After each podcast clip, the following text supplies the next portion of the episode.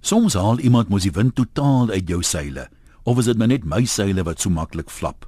Het jy al ooit agterna in 'n briljante antwoord gedink wat die argument onomwonde in jou guns sou beklink het?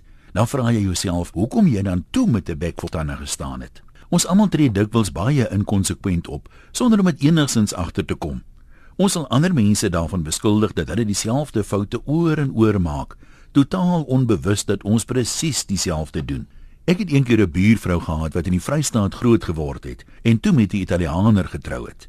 Toe raak sy so Italiaans dat sy aller Afrikaans vergeet en Engels net met 'n Italiaanse aksent kon praat. Sy kook net Italiaanse kos en sy koop net motors wat in Italië ontwerp word.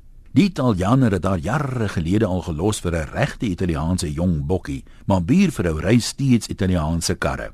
Ongelukkig is hulle maar temperamenteel en dan word ek geroep as die ding nie wil staart nie. Een koue wintersoggend vra ek haar, "Hoekom sy tog nie maar net 'n betroubare kar koop nie?" Haar antwoord: "But they are lovely cars, if only they weren't so unreliable."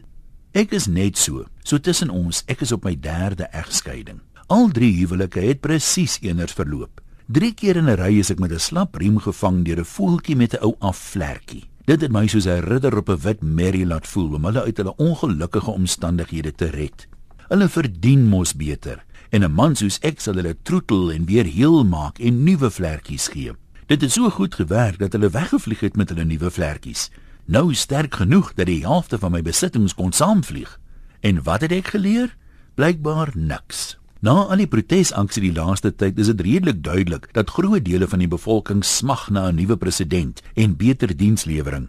Die opkomste by die betogings teen Zuma was byna net so goed soos die teen Donald Trump. Nou spekuleer mense dat die ANC sy aandeel gaan sien by die stembus met die volgende verkiesing. Toe ons etensdag by die werk daaroor praat, sê ek dis nog te gou daarvoor. Baie kiesers kla nou, maar as puntjie by paaltjie kom, gaan hulle nie die party wat hulle bevry het by die stembus verraai nie.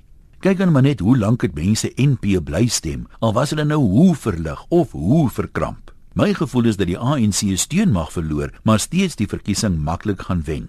En is dit nie hartseer dat die kiesers nie hulle verstand gebruik en beter kies nie?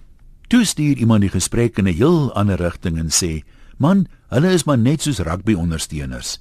Die Bulle het jare lank iets gewen en hierdie jaar al 5 uit hulle 6 wedstryde verloor." Maar na elke verloor moet jy op Facebook sien hoe mense sê hulle is nie manteldraaiers nie. My bloed bly blou.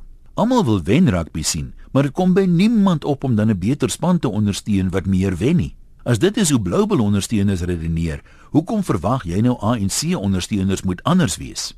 En daar staan ek met my bek vol tande in my Blue Bull hempie. Toe laat ek maar my hande die praatwerk doen en gooi vir my 'n varsetjie met ys ja, met baie ys. Groete van oor tot oor, Antoniem.